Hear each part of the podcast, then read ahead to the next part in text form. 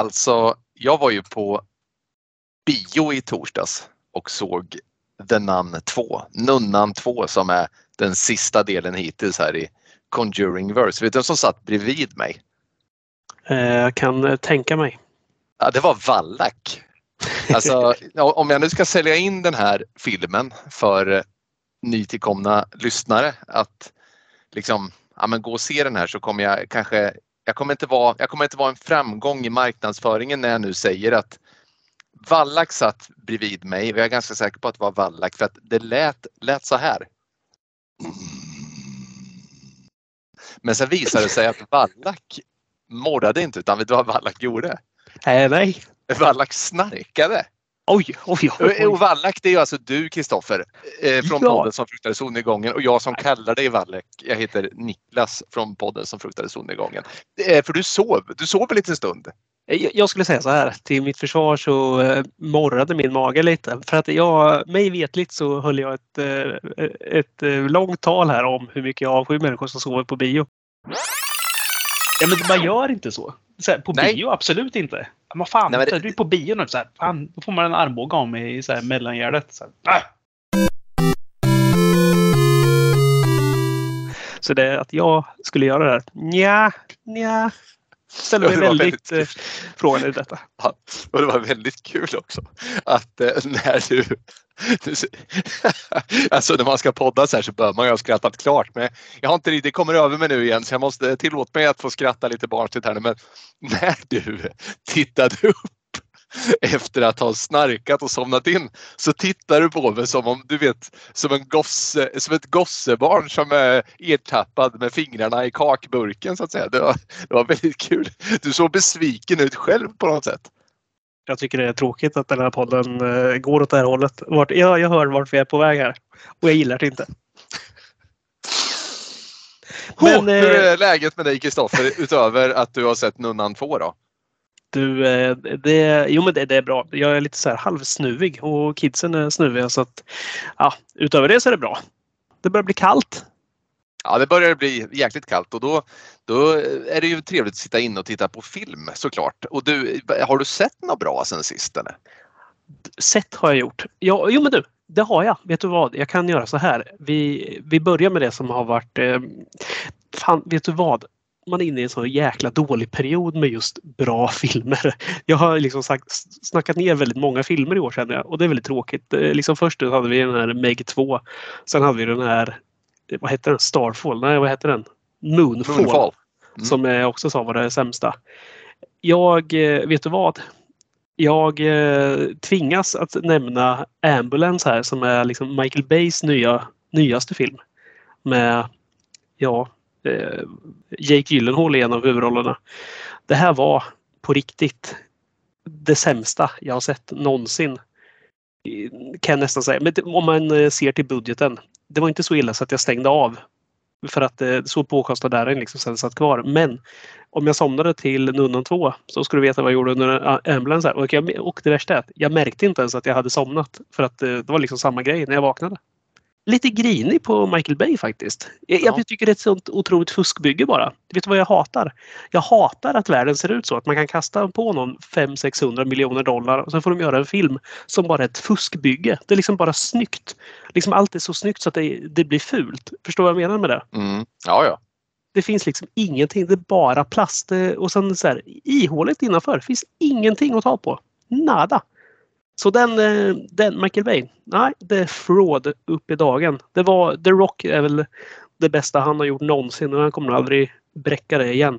Men efteråt så såg jag faktiskt Reptile som går på Netflix nu. Hade väl premiär för någon, några veckor sedan. Med Benicio del Toro i en huvudroll. Den var svinbra tyckte jag. Den var en så här riktigt jävla bra thriller, snut-thriller och det gillade jag starkt. Den somnade jag inte till. Vilket var väldigt skönt. Nej, men jag läste någon recension av det där och Del Toro blev hyllad som vanligt, på säga, för han är ju en jävligt bra skådis. Och Justin Timberlake, han blev inte hyllad. Men det var ju för sig bara en recension. I övrigt har jag inte hört något speciellt om honom. Men du tycker inte att han utmärkte sig på något mycket dåligt sätt?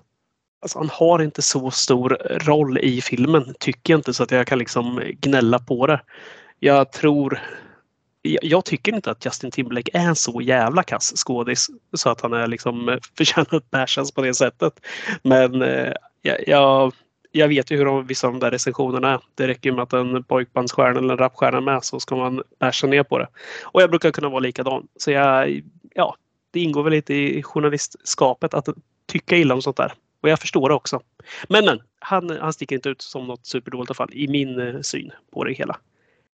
Eh, nej, men det är bra. Alltså, det är väl i och för sig också, jag kan väl så vända mig mot det där på ett sätt också att liksom, om en film är så svag eller så bräcklig, att den står på så bräckliga ben att den står och faller med en birollskådis, då finns det ju inte mycket där från första början. Så.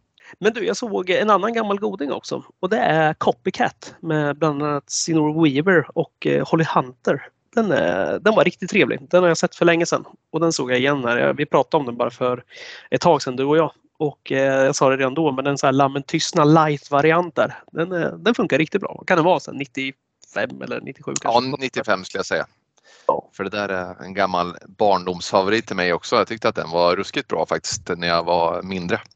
Och den är en, eh, som vi också pratade om förut, det är ju en typ utav billigare och lite ytligare och enklare när lammen tystnar. Men ja, ibland så funkar billigt och ytligt också bra och det är ändå en habil thriller. Jag gillar den skarpt. Har du mm. sett något kul? Eh, nej men, jag har sett någonting som jag vet att både du och min sambo inte uppskattar och det är den här Guillermo del Toro Guillermo del Toros Cabinet of Curiosities heter den. Det är en liksom en så här antologiserie som finns på Netflix i vad är det, åtta delar. Jag har bara sett tre av dem förvisso. Varje del tycks vara eh, fri från varandra men lär väl vävas ihop på något sätt mot slutet misstänker jag. Ja, men jag tycker att den är ganska så här stämningsfull, lite mysrysare eh, sådär. Ingenting som skrämmer ihjäl en men som liksom, ja, jag tyckte det var skönt att ligga och eh, slökolla på. Jag tycker man känner igen Del Toros stil också, vilket jag uppskattar mycket.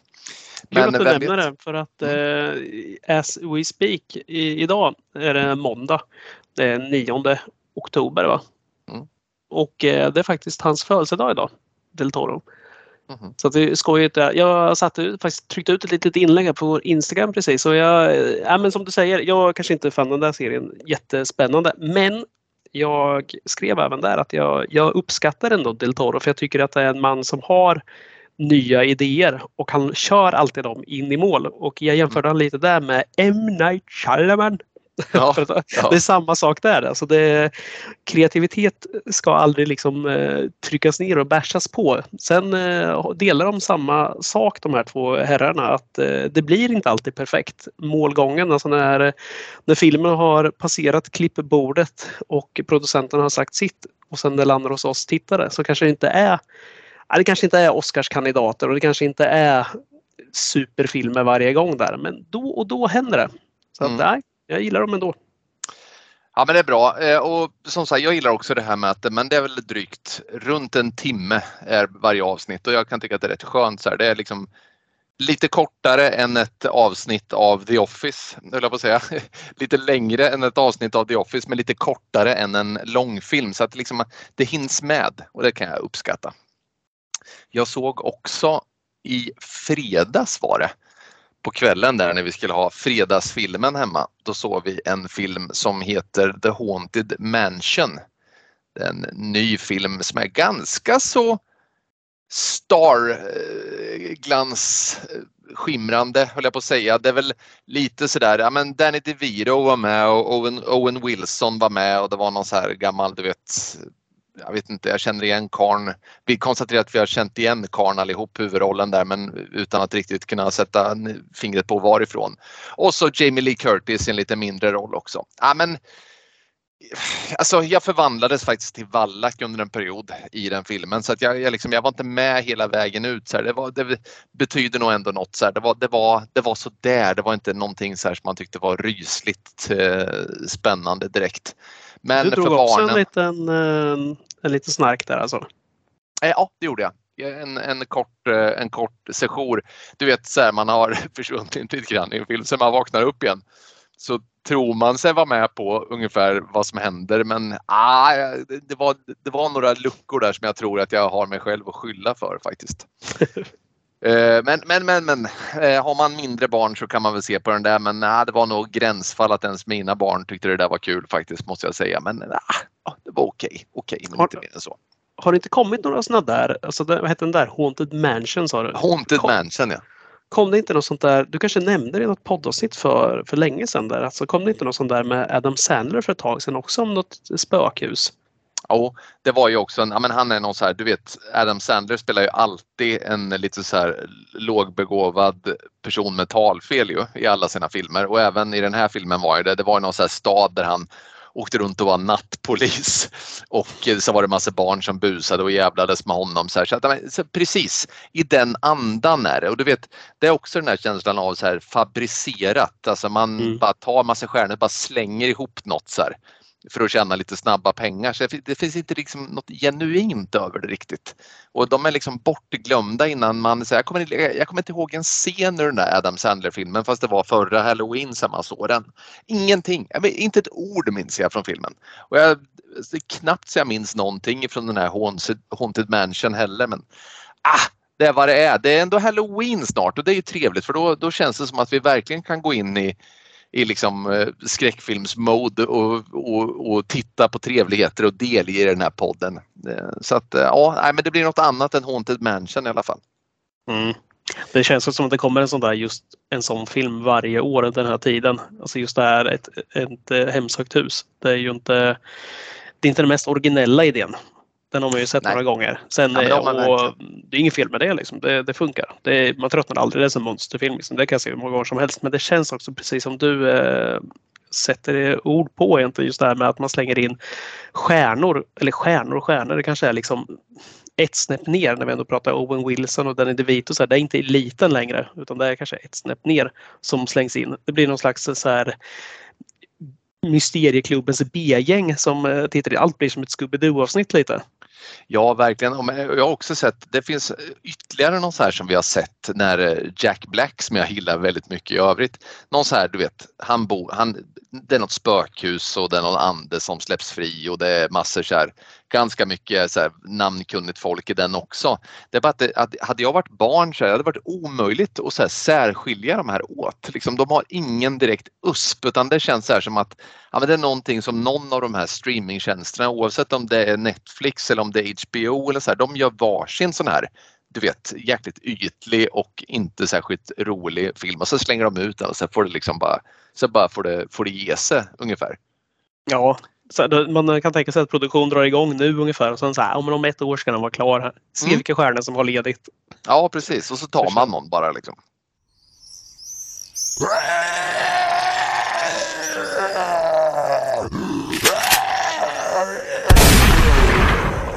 Podden som flyttade solnedgången, zombieviruset i dina ådror. Vi har ju varit och sett Nunnan 2 och ska vi liksom, vill du dra någon liten sådär, jag, jag tänker innan vi börjar prata om Nunnan 2, vill du bara, vill du ge någon liten sådär samlingsomdöme på de här Conjuring-filmerna så här långt? Liksom, vad, vad tycker vi? Ja, men det, ja, ja, alltså det, man sticker väl inte ut hakan om man säger så här att de Conjuring-filmerna 1, 2 och 3. Det är väl egentligen de bästa i serien.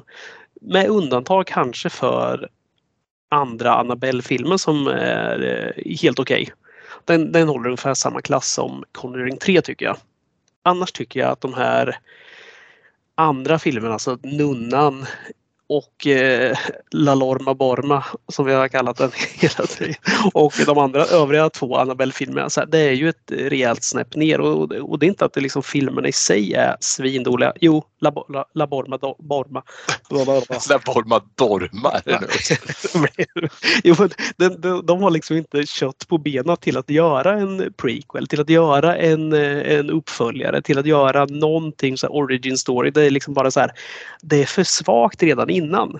Och, och, det där är, nu låter man ju gubbe här alltså, men jag, jag, tycker att det där är tråkigt i dagens film. Liksom, att det finns så jäkla mycket kreativitet som, som står och liksom knackar på men som aldrig får chansen att göra sina filmer. Istället så primeras de här filmerna något fruktansvärt. Liksom. Det, man tar in en så här ja, men en så här halvmedioker regissör som eh, Michael Chavez, som, eller Chavez som har gjort den här då, Nunnan. Och även, eh, ja det var väl La Barma Dorma som han gjorde också. Och då vet man liksom så här, ja men jag, jag vet ju exakt vad det här kommer innebära. Jag, jag, jag, det kommer inte hårdna till i, by, i byxan min utan jag kommer sitta där och jag, jag kommer tycka det är lite sisådär. Men jag vet ju att det här kommer spela in så mycket pengar och det stör mig något överjävligt. Det är lite som det stör mig också. Fan vad gubbig jag är nu när jag drar en sån här rant där. Men det är lite som det stör mig när Takida fyller en konserthall och liksom folk står där och brölar till det. Det är, liksom, det, det är svagt. Det är tråkigt. Det är en tråkig samtid vi lever i. Ibland kan jag också fundera på om så här, just han Michael Chavez här, för att han, han är ju den uppenbarligen som har gjort de sämsta. Ja, Conjuring 3 den var väl okej okay ändå, så här, men han står ju ändå för de svagare filmerna i den här Conjuring-serien och då får han ändå liksom förnyat förtroende här för Nunnan 2. Jag funderar på om det är att han är väldigt bra på du vet att jobba snabbt och att utnyttja en budget snabbt och liksom göra liksom ha en färdig produkt på ett jävligt effektivt sätt. Om det är det som är grejen, att man kan tjäna in mycket deg då, men då är ju inte fokuset på att göra en bra film utan då är ju fokuset på att liksom plisa produktionsteamet. Och det drabbas man ju onekligen av som tittare när man sitter där i biomörkret bredvid Wallach och, och tittar på den här filmen. Ja, ja men så är det. Jag, jag, jag, tar ger, jag ska inte snacka ner honom på något sätt. Alltså han, han lyckas ju förvandla säkert en eh, ganska låg budget till en eh, stor pengako med det här. Men det jag tycker är tråkigt är liksom att man vet precis vad, det, vad, vad som komma skall. Utan det är liksom inget så här, jag förväntar mig inte en Oscarsvinnande på något sätt i, i en uppföljare. Men jag hade gärna bara sett så här, försök göra något eget av det istället för att gå på så här eh, beprövade medel som bara blir, ja, vad ska man säga, det här funkade förra gången, nu tjatar vi ut det. Vi tar det till mm. liksom absurdum tills folk bara så här, men nu spyr jag nästan på det här. Och mm. inte spyr på ett bra sätt av att det är äckligt utan bara att det är, nej, nu är jag trött på det. Visst. Nej, men jag håller med dig fullständigt. Men du, ska vi ge lyssnarna någonting här nu då, vad den här filmen handlar om? Det kan vi göra. Ska jag läsa upp något fint för dig här? Ja, gör det. Ska, ska jag göra det så spännande jag kan? Ska jag läsa min absolut mest dramatiska röst? Ja, verkligen. Tack. Tillbaka igen efter fem år med perversa begär i ett dystert kloster. Vandrar bland skuggornas slott. En liten vallakdemon blott. Nödsituation uppstår i kall katakomb mitt i svartaste natten. Satanistlektion utspelas under kristen ikon. Skrämmer slag på katten. Hur kunde det gå så snett? Att ta död på Wallach, det är inte lätt. Nu är allt bara hopplöst och bajs. Syster Irene, vår huvudperson, hade nog gärna varit någon annanstans. Fumla med sin bräckliga tro. Hur ska hon besegra Wallach månntro? Hon och Maurice ställer till med ett jäkla hallå. Kanske är det vad som krävs för att besegra Nunnan 2. Tack så hemskt mycket för att du har lyckats göra den här tämligen ospännande filmen ändå rätt spännande så här inledningsvis. Tack så hemskt mycket. Tack så hemskt mycket. Jag är väldigt duktig med ord där, att förvränga dem och göra det mer spännande än vad det faktiskt är där. Ja, alltså du har ju alltid, alltså orden som kommer ur dig eh, via munnen är betydligt bättre än orden som kommer ner på papper via din penna, så är det ju. Det, det, det, det där blir bara ty, mer och mer tydligt för varje dag som går. Vet du vad mm. det tråkiga är i det här? Det är att man skriver alla sina så här uppdateringar och allting via dator. Oftast på telefon skriver man ju det eftersom mm. det är den man har nära. Det var väldigt kul häromdagen när vi uppmärksammade på att vår podd, alltså som vår Facebook-sida, alltså hette podden som fruktade såld-nedgången. Också ett, så här, ett jobbigt så här, slarvfel bara. Men eh, sånt där som inte riktigt syns heller. För man kollar inte på det. Eller jag har inte kollat på det. Nej, det har ju faktiskt inte jag heller. Så att, eh, det är väldigt tråkigt. och så, där, så där blir det ofta. Varje gång man skriver ett inlägg så inser man efteråt så här, fuck det innehåller fyra stycken sådana här sketna stavfel som kommer av ofta autokorrekt eller bara ren lathet. Mm. Ofta att man börjar tänka på nästa ord man ska skriva och eh, så här, skriver halva det första ordet. Ja, skitsamma. Ja, men alltså, så där kan det vara för mig, alltså, speciellt när man skickar sms. Det är ju så här, man, du, man blir lite ivrig. Det, det, är inte bara ett ord man kan missa utan det kan vara två, tre på raken. Jaha, Då lever man i framtiden. Man hoppar över halva meningar. Liksom. nu lever hon ju kvar också. Kom du ihåg så här, förr, nu vet jag inte, vi har ju säkert eh, så pass unga lyssnare som inte fattar ett dugg av vad jag kommer säga nu, men du vet när man satt med sina första mobiltelefoner när man skulle skriva meddelanden. Du kunde glömma autokorrekt till att börja med. Det, mm. Där var man faktiskt tvungen att stava rätt. Mm. Men det var ju ta mig fan omöjligt att inte läsa ditt meddelande innan för att du var ju tvungen att trycka fram varje bokstav. Ja, ja. Och då, det var inte något att du skrev snabbt där utan vad hade man så här? Jag kommer inte ihåg hur många tecken det var. Det var inte några långa meddelanden man kunde printa ner där inte. Nej det var det inte och då fick man ju så kolla och så fick man ju ett meddelande om att det var för, för, för långt och så fick man korta ner och så skicka. Så fick man fortsätta med, det var rörigt men som sagt meningar var hela i alla fall. Ja, det var väldigt jobbigt. Jag kommer ihåg att jag körde en så här Ericsson trippel 8 tror jag den telefonen hette. Alltså 888. Och alla andra körde ju Nokia. Då var det så här, på, på Nokia tror jag man hade tre eller fyra rader man i alla fall kunde läsa meddelandet på. Det blev i alla fall lättare att se en mening där. Men mm. på de här Ericsson-telefonerna då var det bara en enda rad. Ja, så vi fick ju sitta och backa bakåt. Det var helt odugligt. Men det där hakar man sig fram på ändå. Ja, det var inte lätt för, för oss gubbar. Podden som fruktade solnedgången, en teknikpodd nära dig. Du, du märker att jag drar mig lite för att uh, börja prata om nunnan. Uh, ja. Svävar iväg. vet, du vad? vet du vad? Det får vara som ett plåster. Vi drar av skiten nu bara. Vi river det. Vi river uh, det. vem jag vill prata om i så fall? Nej. då, jag, då, ska jag prata om något annat. Nej, det ska jag inte göra. Utan jag vill prata om det här. Vi är ju fem år efter första filmen. Mm. Och eh, Wallach har ju givetvis eh, hängt sig kvar eh, såklart. Vad vore en eh, Nunnan-film utan Wallach? Wallach har alltså stuckit från Rumänien till Frankrike på något sätt. Sister Irene är ju tillbaka igen här. Och eh, jag tänker säga det direkt här. Den som kanske gör filmen ett, ett litet plus i filmen så är det ju kanske just skådespelet från Sister Irene då. Alltså det är ju eh, Famigas syrra det här. Alltså Tas, Taisa. Taisa. Taisa. Ja men, ja, men hon, hon gör vad hon kan. Ja, och jag tycker det är eh, skönt där också. Jag brukar ofta säga det här. Det är, det är skönt när man inte sätter in de absolut snyggaste människorna man kan i alla produktioner. Inget emot att hon är ful på något sätt utan det är bara så här. Det är bara skönt att alla inte sticker ut på det sättet. Det hade inte passat när någon ska vara en, en, liksom en nunna. Nej, fast jag tycker också så. Nej, men hon, eh, det är ju liksom, hon är ju såklart filmstjärnesnygg på det sättet. Men jag fattar vad du menar. Hon ser lite mer vanlig ut bara och det passar sig ju väldigt bra i den här inte, rollen. Det hade ju inte varit, Megan Fox hade ju inte gjort eh, Syster Irene eh, rättvisa. Nej, det hade varit rörigt, minst sagt.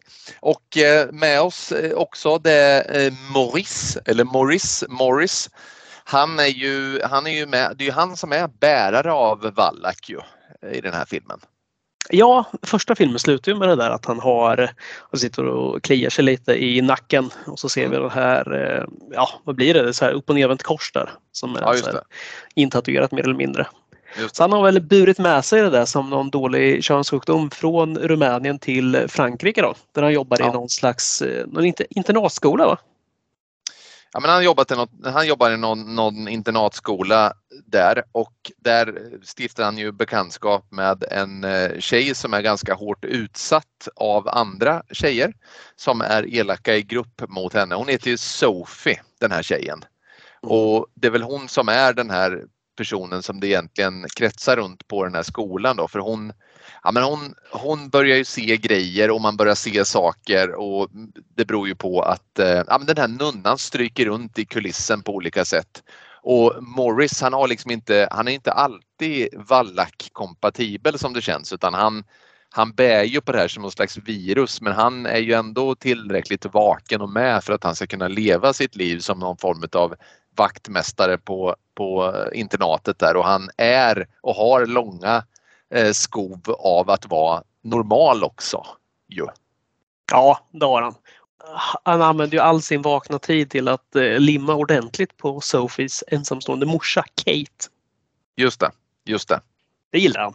Han, är, han, han, han, är inte, han hatar ju inte att vara på en ensam eh, kar i den åldern han är i på den här internatskolan. Nej, nej, det gör han inte. Och sen är det ju frågan då. Han känns ju ändå betänkligt äldre än vad de här eh, eleverna är. Alltså han är väl ändå i 30-årsåldern den här karln, eh, Morris får man väl säga. Och han är väl mer utav någon form utav, ja vad ska vi kalla det för? Han är väl mer någon form utav liksom schysst, eh, du vet fritidsledare känns han som där. Även om han jobbar med med saker som inte anses vara så snyggt kanske då rent statusmässigt på internatet. Ja, han skulle väl gå och, och bli någon slags eh, odlare eller något. Var det inte det han hade från första filmen där? När han mm, eh, begav sig iväg där. Han slutade ja. där istället. Som en annan. Det brukar ofta vara sådär med vart livet tar en i karriären. Ja men så är det, absolut. Men du, eh, alltså, och, och, det är de här. Och Irene då, som sagt, Taisa Farmigas Irene, hon har med sig en, eh, en annan nunnevän som är ny för handlingen som heter Debra och Debra är ju en person som också verkar vara lite sådär, vad ska vi kalla det för? Lite mer åt det här hållet av att vara en ganska normal, alltså vi, i första filmen får vi ju se att Ehm, att Irene, hon är väl den på det här nunneklostret som ändå står för någon form av så vetenskaplig världsåskådning mitt uppe i allting och sen så finns hennes tro på Gud och allting vid, vid sidan om den men hon är liksom ändå en, en vad ska vi säga, en, en rationell figur mitt uppe i allt. Och man får känslan av att Debra är lite samma skrot och korn utan det är rätt två vettiga människor det här helt enkelt. Mm, Debra är ju en av de få där som har, eh, ja, men som uh, har lite tvivel i sig, som har svårt att acceptera mirakel. Mm. Utan kanske faktiskt vill se någonting också innan hon ja. Uh, ja bestämmer sig för det.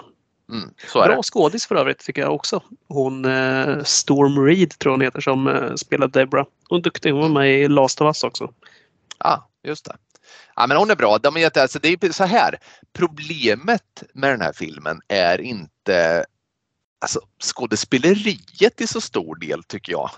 Utan det här är, det här är, och jag menar återigen då, vi, vi, alltså, vi kan väl nästan så här, vi behöver ju inte, vi har ju pratat om hotet en gång, vi kan väl ta upp den här demonnunnan igen som en del utav skådespelarensemblen här igen, för det är ju det är den här Bonnie Aarons igen som är nunnan som har det långa raka näsbenet och som dyker upp här och där i, såklart som en, som en effekt av att eh, Morris bär på hennes demonfigur Wallach. Och liksom det är ingen här, alltså det är inte, det är, problemet är inte skådespeleriet utan problemet är att det här manuset är ihophafsat på en kafferast. Liksom.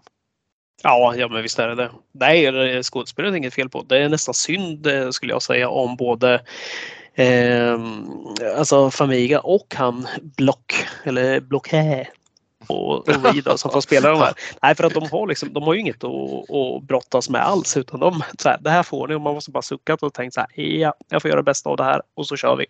Mm. Och, och, för att det är ganska lövtunna karaktärer det här. Det är inget vidare djup i dem. Nej, verkligen inte. Alltså det enda vi har, den här klassiska personen som är lite utanför Sophie, så har vi ett gäng med liksom mer elaka elaka mobbartjejer på det här internatet och alla ska de på ett eller annat sätt börja råka ut för, eh, för Wallach då.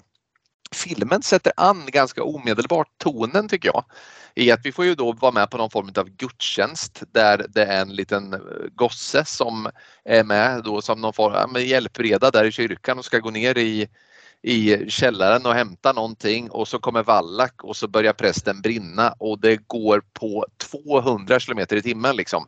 Och man hinner liksom inte etablera någonting utan det går bara utav helvete fort i den här filmen.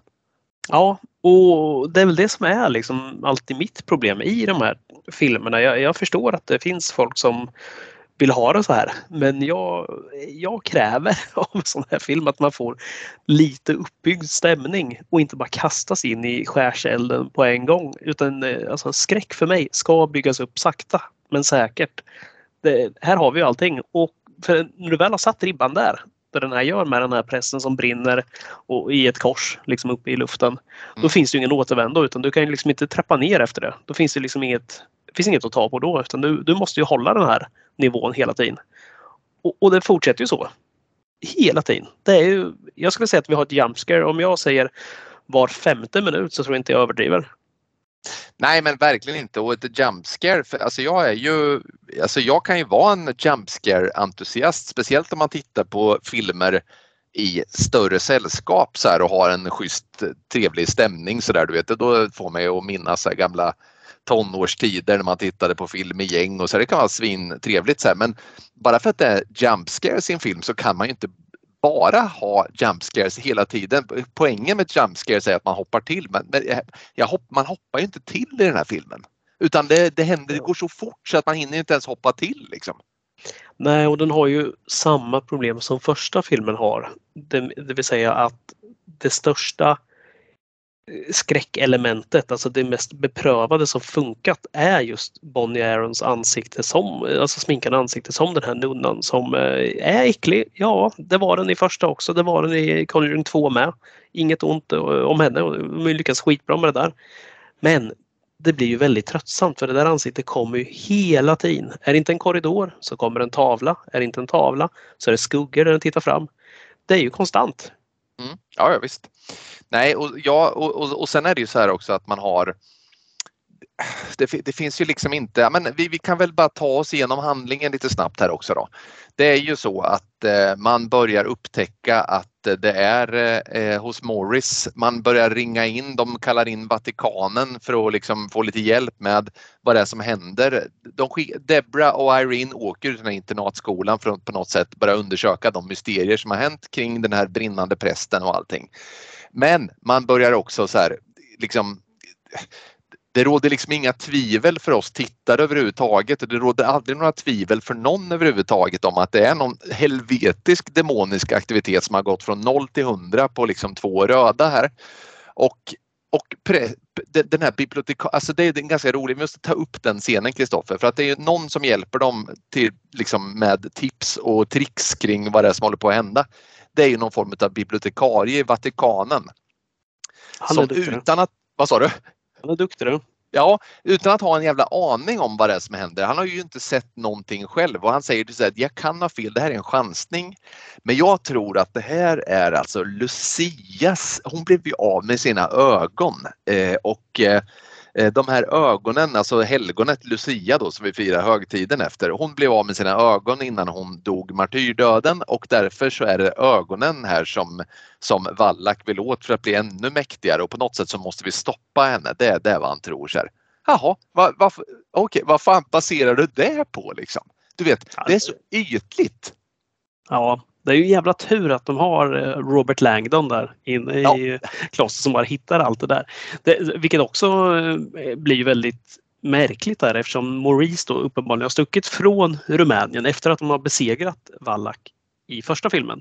Mm. Så har nu tagit sig till Frankrike och av en slump då så finns ju de här Sankta Lucias ögon också just på den här internatskolan. Mm. Av ja, en slump precis. då såklart. Ja, Wallach måste ju ha varit på Vatikanen själv och, och rådfrågat den här bibliotekarien och kanske liksom, du vet, dratt en liten fräckis och, och hävdat att det var en annan person. Bara, du, jag bara funderar lite på de här ögonen till Lucia. Det, om du bara skulle gissa vart det är de någonstans här. Ja men det är nog där. Så, ja men okej, då, jag, jag, jag drar dit. Så här. Alltså, jag vet så... inte, men jag tror att de kan vara här. Så är de ja, också. precis. Det här är en kvalificerad gissning. Alltså, av alla internatskolor i hela världen så skulle jag tro att det är här. Skulle du um, anförtro statshemligheter för den här killen där i Vatikanen? Nej, alltså han vet dem redan ändå. Han vet alla statshemligheter som går att veta så man behöver inte fråga eller liksom yppa någonting från dem överhuvudtaget. Det är också skönt att han inte har eh, undersökt det här själv på något sätt sen efteråt heller utan bara Nej, men det bör vara så här. Det är en ganska stor grej. Men nej, fan, åk ni! Åk och kika. Kanske finns något där. Ja, nej men alltså verkligen. Och jag menar, eh, jag var, liksom pratade lite med dig om eh, på förra avsnittet när vi pratade om Conjuring 3 så liksom tycker jag att man så här, det faktum att det har varit så övertydligt utan rimligt tvivel demonisk aktivitet som har försiggått så tycks alla ha en väldigt avspänd relation till det här. Alltså om Vatikan, alltså du vet om Irene Alltså man åker och verkligen tar del av en demon på det här sättet. Jag menar det skulle ju liksom det skulle revolutionera Vatikanens anseende över världen. Liksom. Men, men man, inte ens det, så här, men åk dit och så besegra Wallach, sen tuffar det på bara. Så här. Det, är liksom, det är som att inget har hänt någonstans. Liksom. Och ja, det, det är, det, det, är väl mycket att begära kanske i en övrigt så ytlig film men jag tycker ändå att det är, det är jävligt konstigt alltså. Fan, äh, Sister Irene borde ha fått någon äh, betydligt bättre tjänst efter hennes äh, ja.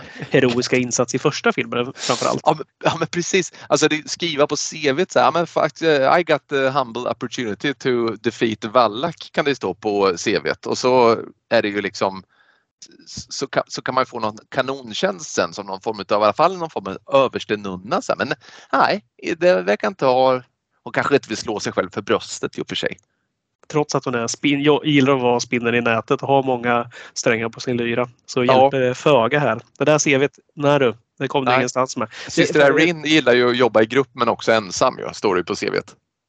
ja precis. Vatikanen skiter ju, de är ju blanka fan i de där CVn det vet man ju. Ja. det är ju sådär. Lite de anställer bara herrar istället ändå. Skiter ja, ja, ja, men det är klart. Ja, så är det. Mm, ja. Men du, de, eh, de tar sig i alla fall till den här internatskolan där. Och mm. Eh, Maurice, hans eh, ja, sjukdom eller besattenhet, alltså han, den, den demoniska aktiviteten i Maurice, jag försöker säga det här på ett snällt sätt här, den, eh, den ökar ju bara konstant här. För på något sätt där har ju Wallach utan förklaring då i honom varit väldigt svag. Mm. Och bara tittat fram lite då och då. Eh, det här är också väldigt ologiskt nu. De gör en avstickare igen här. Men Wallach kan ju uppenbarligen befinna sig på flera olika ställen samtidigt. Inte bara i Maurice utan kan ju ha ihjäl någon präst där i kyrka. Kan eh, uppstå som någon liten eh, djävulsk eh, get bland mm. annat. Ja. Och så vidare. Jag måste ställa frågan för jag blir inte klok här men Wallachs styrka pendlar den något fruktansvärt här i filmerna? För att jag, jag får inte ihop det. Liksom, är, är Wallach stark fortfarande eller, han svag, eller hon eller han? Hon, vad tycker du? Tycker du att, får du något kläm på det här? Liksom? Det är inte som i Dracula, så här, du vet när han är så här när han är typ, ser ut att vara aids-sjuk där, att inte fått i sig något blod på länge och ser mm. rätt svag ut. Utan mm. Wallach är liksom så här, han är ju alltid lika stark. Mm. Ja, ja, alltså det där var faktiskt någonting jag funderade på för att Wallach är ju uppenbart ute efter de här Lucia-ögonen för att erhålla eh, att bli mäktig. Men i filmens absoluta inledningsscen där vi inte har några Lucia-ögon till Wallach så är hon ändå uppenbart liksom kapabel att bara via liksom ett, ett knäppa med fingrarna skicka upp en präst av sig själv i luften och tända eld på honom så att han åker sopande i backen sen. Alltså hon är ju redan vrålmäktig som det ser ut i början. Så här, jag vet inte vad, vad, vad ska de här ögonen tillföra liksom? Ja, det är oklart där. Det, det enda som kan vara lite kul där är väl just sådana här eh, alltså, kristna reliker som dyker upp hela tiden. Alltså det, tyvärr har ju det redan gjorts en gång innan där i Indiana Jones och då görs det ju betydligt bättre. Får man ju säga. Med heliga graal och så tänker du på? Exakt det jag tänker på. Mm. Så tycker jag att det liksom ger en bättre förklaring. Det blir ett bättre mysterium för att om vi ändå är inne i den liknelsen med Indiana Jones så får vi ju exakt samma sak även i denna film. För det här är ju egentligen bara ett eh, alltså, mer eller mindre en kopia. De har tagit liksom en, lagt manuset och sen ett papper över och skrivit av det i stora delar till den här filmen. För att i förra filmen hade vi någon så här, vad var det då? Det var Tempelriddarna som hade förseglat The Blood of Christ, en liten vial som de hade gömt mm. i någon sån här liten sten. Och mm. i den här filmen då har vi någon så här färgat glas, en sån här kyrkglas som eh, jag vet inte vad det ens föreställer, någon liten get någon liten så här, ja men kristen ikonbild. Mm. Och, och som av en slump där, så när solen står rätt så lyser den där på en punkt där man kan gräva lite och hitta det här. Där ja, ja, Lucias ögon finns. Ja men så är det. Och, men, och jag, jag, låt mig bara, för jag tycker det var en ganska kul jämförelse, låt mig bara återvända kort till Indiana Jones och det sista korståget som är från, äh, vad är det, 89 va? det är den med den tredje filmen med eh, bland andra Sean Connery. För det där är ju, alltså jag uppskattar ju en sån tematik. Jag kan tycka att det är ascoolt att de är på jakt efter den helige graal. Jag hade i en annan regissörs händer kunnat tycka att det var coolt med den här liksom Lucia-referensen också. Jag har ingenting emot det överhuvudtaget. Tvärtom kan jag till och med tycka att det är en cool idé. Men vet du vad? Alltså i Indiana Jones, i Indiana Jones det sista korståget, då har vi alltså en en handling som utspelar sig under lång, lång tid och i absolut sista slutscenerna. Nu spoilar jag det här. Har du inte sett Indiana Jones 3 så är det för sent. Eh, alltså då, då, då får man det här bordet, du vet den här gamla liksom, krigaren står och vaktar liksom, de här olika muggarna och man ska dricka efter den, eh, dricka ur den man tror är den heliga graal och så, så, så väljer de de snyggaste så visar det sig att det är en av de lite mer du vet mindre anmärkningsvärda. Så här, jag, jag, jag, älskar det där Indiana Jones. Det är ju så jäkla snyggt uppbyggt och man är så jäkla investerad och det är coolt och man får en känsla att gud vad härligt. Nu har de, har de det helige graal, vad glad jag blir. Så här. Men här ger man ju fullständigt fan i det för det finns ingen, det finns inget, ingen grund som man har byggt överhuvudtaget. Nej, det finns ingenting. Det, alltså det här med Lucias ögon blir bara larvigt också. För du vet ju att eh, om det uppenbarligen räcker med en liten kristen relik, då vet jag att i nästa film, i Nunnan 3, då ska de jaga Törnkronan istället. Och i mm. filmen efter så är det Jesus spikar och så vidare. Sen kommer det vara mm. någon hammare från någon gammal romersk general där som de ska ha också. Så här. Ja, du vet, det, liksom, det, det, det bara fortsätter så här. Det finns liksom och, och det, det som är ännu dummare är ju också så här, den här uppenbarligen eh, jätteonda demonen som har funnits sedan eh, tidernas begynnelse. Mm. Den alltså, det, det som är det värsta den vet, det är någonting som har rört vid något kristet. Det är liksom det som är, ja, det är fortfarande det enda som, det, som biter på den. Mm. Och, och, det finns ingen logik i det heller. Den här, var, varför skulle de här ögonen betyda någonting för en? Varför skulle ögonen vara farliga för en?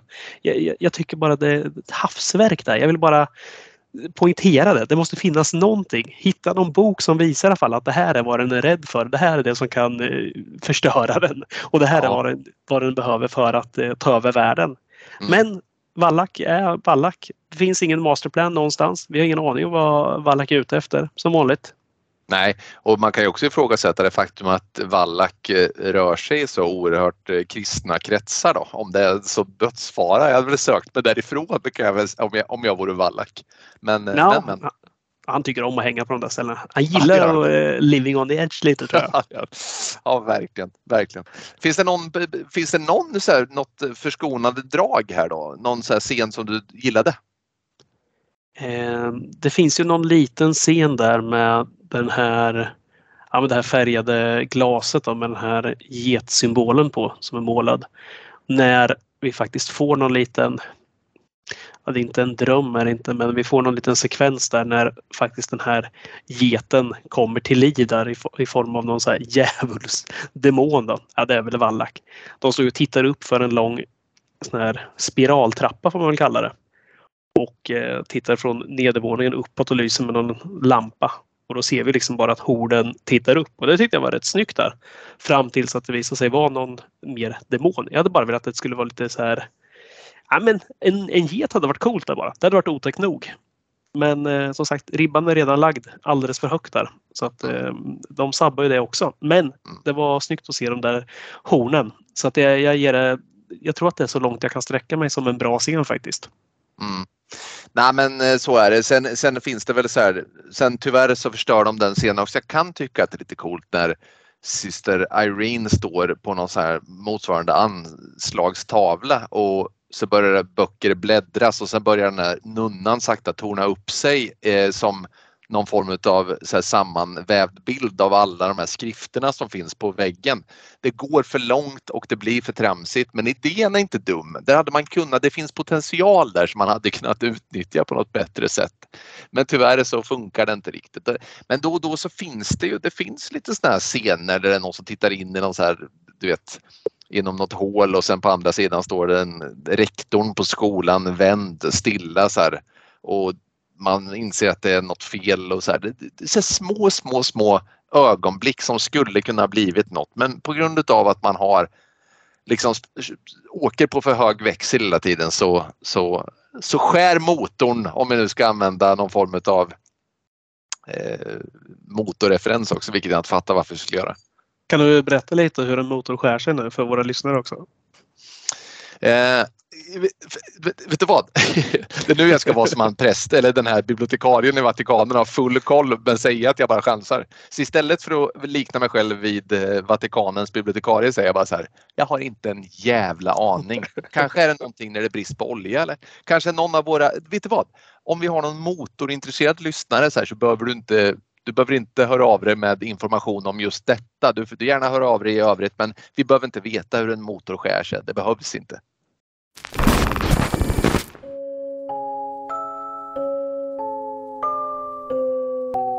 Podden som fruktade solnedgången. Din varulv när pistolen har slut på silverkulor.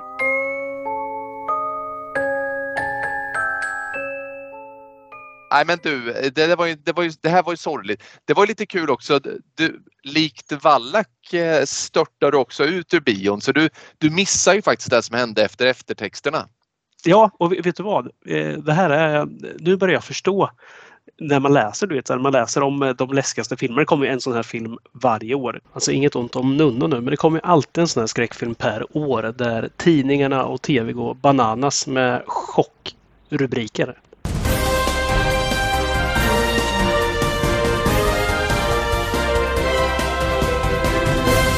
Hänt Extra, publiken i chock, vrål spydde till nya Evil Dead. Färjan Håkan Jag förstod ingenting och gick ut ur salongen till Motorsågsmassakern. SVT Babel, den här filmen frambringar liksom en akut gastroenterit vilket är oerhört synonymt med dessa vedervärdiga filmer. Publiken sprang ut ur salen. Publiken kräktes eller mm. skit ner sig totalt. Och mm. eh, jag kan nog vara en sån där att eh, jag hade nog kunnat vara en av dem. Men eh, jag vet inte, jag drabbades av en yrsel och började må väldigt dåligt i slutet av filmen. Så jag var tvungen att sticka ut där. Och jag mm. tror att det var de, de tre minuter jag bäst besparat i hela mitt liv kanske. Nej men precis, det där är ju det är väldigt svårt att veta vad, vad, vad det var för, för liksom det var ju inte direkt något nervkittlande du missade men det vi får se efter eftertexten är att en telefon ringer och den som svarar är Ed Warren och säger så här ”Father Gordon? Okej. Okay. Och sen fortsätter det. Jag tror att det betyder att det kommer en Conjuring 4 eller kanske en Nunnan 3. Inte vet jag vad det betyder men det var, det var inte mer än så. Nej, det, jag, jag gick ju ut precis när The Blood of Christ kom till liv igen. Eftersom ja. det är ett plagiat av förra filmen så är det uppenbart att The Blood of Christ är det värsta som man kan få på sig. Oavsett mm. om det är The Blood of Christ eller inte. Mm. Det räcker med att man så. tänker att det är Blood of Christ. Ja, nej, det, var, det här var, det var svagt.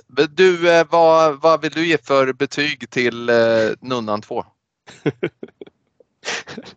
ja, alltså det känns ju inte som att man har gått in i det här avsnittet med någon slags topphumör här eller varit eh, det positivas ryttare här. Men så här är det att eh, när det kommer till en, det här blir ju tredje filmen om Wallach. Man måste slänga in något nytt där. Så det måste komma in någonting som, eh, som triggar igång mig på något sätt. Man kan inte bara gå i samma fotspår liksom och hoppas att publiken bara köper läget och tänker att det här var schysst, det här kör vi vidare på. Det här är för tråkigt. Det kommer inget nytt och ja, jag somnade under bion. Det kan varit så att det fanns lite öl i kroppen som gjort sig påmint och en burgare som låg och grodde där i magen. Men vet du, när jag vaknade till liv där, jag sov ju kanske så här, det var ju inte så att jag sov i en halvtimme utan det var kanske så här 20 sekunder eller två minuter. Men det är återigen så här att när man somnar i en film och sen vaknar upp och du inte vet om du har sovit längre för att det är samma, det är samma miljö, det är samma ton, det är samma jump scares. Ah, det känns inte som att jag missade någonting. Det var bara så här, det kunde, jag kunde lika gärna sovit i fyra timmar och det hade varit samma sak. Jag mm. kan inte ge den här filmen annat än det lägsta betyget, en etta. Jag vill inte sträcka en etta någonsin, alltså säga att det är en nolla för så dåligt kan det liksom inte bli. Men det är, det är så lågt det går att göra för att när man inte tillför någonting nytt och det blir så tråkigt, det är bara upprepning. Nej, jag vet inte. Och de har ändå pengar. Liksom. Det är för mycket pengar inkastade i sånt där för att det, man ska få göra såna här filmer. Nej, det finns de som förtjänar att göra film som faktiskt tillför någonting nytt. Det här är som en hafsig musikvideo. Mm. Ja, nej, men det är, det är väl så någonstans och jag tycker som du sa där, vi är ju inte inne i, vi, det är inte så att våra biopengar har varit särskilt väl investerade. Jag hoppas att det kommer någon riktig rackarns rökare snart som vi kan se och njuta någon gång för det här var inte njutbart och vi hade väl på känn också att det inte skulle vara njutbart och faktum är att eh, jag är ändå glad att The Conjuring Verse får läggas lite till handlingarna ett tag tills fyran kommer. Då får, måste vi väl ta oss an den. Men jag, tycker, jag tycker att det är skönt nu att vi, att vi slipper det här ett tag. Vi kan titta på lite andra filmer. Det, det ser jag verkligen fram emot. Alltså jag tycker ju att film, alltså jag, det, det, är just det här, en, en, liksom en, en djävulsk demon är på en internatskola och, och ställer till det så här. Ja, eh, du vet, hosta upp den plotten för mig och så här, ja, det, det, det vill jag se. Men det är typ det enda positivt som finns att säga om den här filmen och jag, ja, ett av fem säger jag. Jag vet att jag gick in på, jag har på IMDB ett så här konto så brukar jag betygsätta. Där är det betygsskalan 1 till 10 och där betygsätter jag så får man lite tips om liknande filmer man har gillat. Och så betyget jag gav till Nunnan 2 på IMDB var faktiskt 3 av 10. Så det är väl någonstans där i gränslandet då mellan 1, 1 och ett halvt där någonstans. Eh, så ja, det, det, bättre än så är det inte. Nunnan 2 kan inte podden som fruktade solnedgången rekommendera till någon faktiskt. Nej, så är det. Men jag tycker ändå det är kul att vi gör en grej av det. Att vi ändå, ja, men vi tog oss i kragen och vi gick och såg den. Det är allt som, eh, det tycker jag ändå man kan kräva när vi ändå har tagit oss an denna franchise. Då, eh, ja, men då får man stå sitt kast. Så får man göra det bästa av det. Och fan, om man låter lite negativ här, ja men så, så may it be. Men eh, nej, det, det, är faktiskt kul att ta sig igenom en sån här också. Det känns eh, bra efteråt. Ja men det är det och alltså att ta sig an franchises behöver inte vara dumt och grejen är så här, jag kan tycka att ibland måste vi få ha ett lite så negativt avsnitt utan att det är hela världen. Nu sänder vi ju en gång per vecka och då, då är det ju bara en vecka kvar tills vi kanske är glada igen så att eh, förtrösta icke. Eh, du, nu eh, skymmer det ute. Eh, någonting är på väg in. Hoppas inte det är Wallach. Men eh, nej, Wallach. Är Wallach besegrad nu tror du? Nej, Valla kommer tillbaks där. Som sagt, Törnkronan ska hjälpa eller skälpa honom nästa gång. Så är det bara. Du, eh, tack för idag Kristoffer. Vi ses i nattens mörker Niklas.